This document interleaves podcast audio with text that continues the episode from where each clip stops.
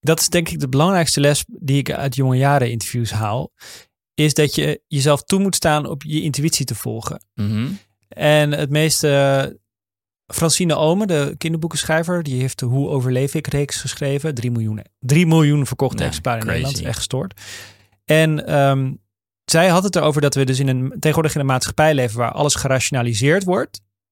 En dat mensen, als ze dus over intuïtie nadenken, of ehm, van ik wil, ik wil eigenlijk dit gaan doen, of ik vind eigenlijk dit interessant, dat ze dan meteen denken, ja, maar wie interesseert zich hier nou ook voor in? Of wie interesseert zich hier nou ook voor? Of dit is een te kleine niche, of dit is te frivol.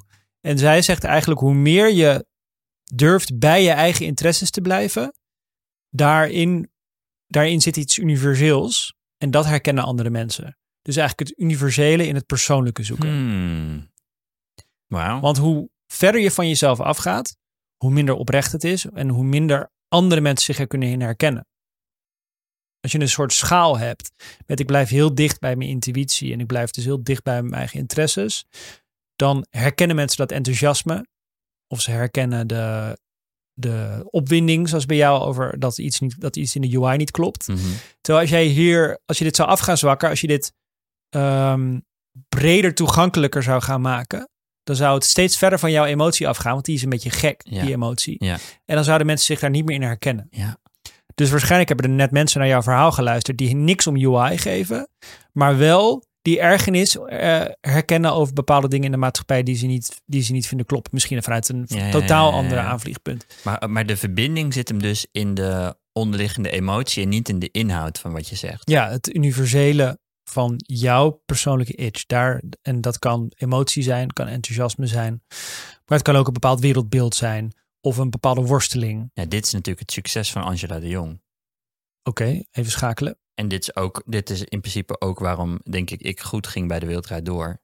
Omdat ik niet gemediatraind was en geen belang had. En gewoon op basis van enthousiasme of zo. Dat was vooral enthousiasme, dat was de emotie. Ja. Ding, en dat is dus herkenbaar. Ondanks dat hetgeen waar ik over vertel, hetgeen ik over vertel, de meeste mensen niet boeide. Het gaat om, enthousiasme is gewoon ontzettend aanstekelijk. Grappig. En als ik het goed begrijp, is het dus de, is de natuurlijke neiging van mensen om daarvan af te drijven. Nee, de natuurlijke neiging is daar heel erg eh, op in te gaan. Dus als kind heb je dit allemaal niet. Ja, ja. Maar het wordt je afgeleerd. Het wordt je afgeleerd. Omdat we dus in een maatschappij leven die alles rationaliseert.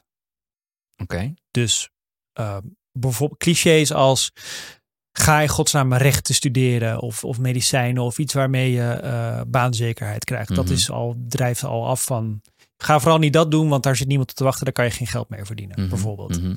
Dat is iets. Of eh, hoe we onderwijs hebben ingericht, dat allemaal op standaardisatie is ingericht en niet op wat vind jij eigenlijk interessant, waar ga jij harder van lopen. Nee, iedereen wordt gestandaardiseerd. Er zijn allemaal, ehm, allemaal dingen in de maatschappij waardoor we telkens weer naar het rationele worden geduwd en niet naar het intuïtieve. Listen to the full episode of Pom on Podimo from Denmark.